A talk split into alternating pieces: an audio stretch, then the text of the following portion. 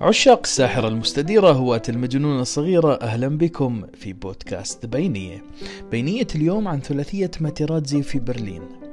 فرنسا وإيطاليا لعبوا ضد بعض 39 مباراة ما بين ودية ورسمية وأولمبية.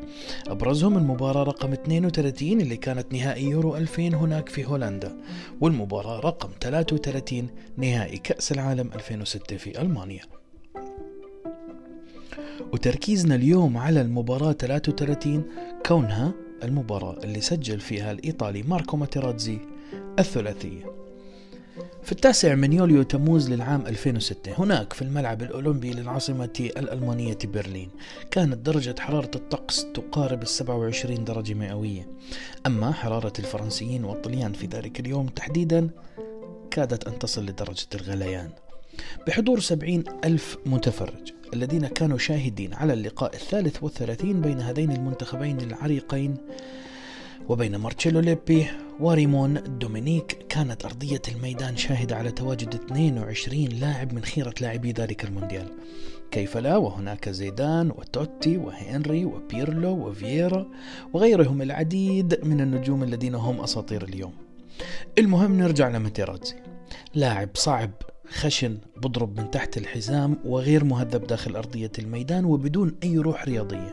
نعم هي كل هذه مواصفات شخص واحد ولاعب إيطالي واحد لاعب أفضل فترات حياته في إنتر ميلان قضى هناك تقريبا عشر سنوات لعب 184 مباراة وسجل خلالها 18 هدف وهو رقم جيد لمدافع. أما مع الأتسوري فقد ارتدى القميص الأزرق الجميل والجميل جدا جدا جدا جدا خلال 41 مباراة وسجل هدفين. المفارقة وين؟ بأنه هدول الهدفين كانوا في كأس العالم 2006 ومن هون بنبدأ قصة ثلاثية الخاصة بماركو. الأولى كانت مبكرة جدا في الدقيقة السابعة من وقت المباراة بعدما عرقل مالودا داخل منطقة الجزاء وسجل زيدان حينها أجمل وأمتع وأزلم وركز لي على أزلم هدف في تاريخ نهائيات كأس العالم.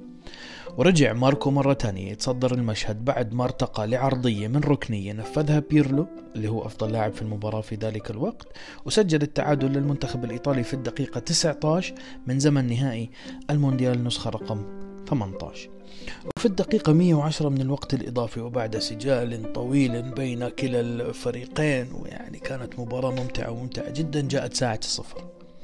ساعة الصفر في الدقيقة 110 تحديدا ولحظة الهاتريك من ماركو ماتيرازي. بدأها بشد قميص زيدان ثم بالتهكم ثم بالشتم ثم بأن تلقى نطحة ما بعدها نطحة.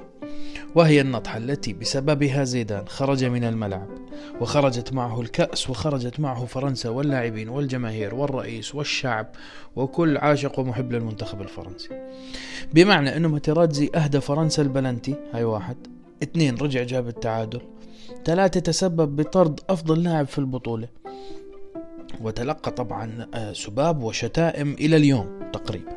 لكنه على الأقل أهدى إيطاليا أو كان سببا حاسما ورئيسيا في وضع النجمة الرابعة على قميص المنتخب الإيطالي. وهاي كانت البينية بثلاثية ماتيراتزي اللي عمل هذا الحكي كلياته في مباراة واحدة وفي مباراة مهمة ومهمة جدا جدا جدا اللي هي نهائي كأس العالم 2006 إلى أن أمرر لكم بينية أخرى أشكر لكم طيب استماعكم كنت معكم أنا ناصر دحبور وهذا بودكاست بينيه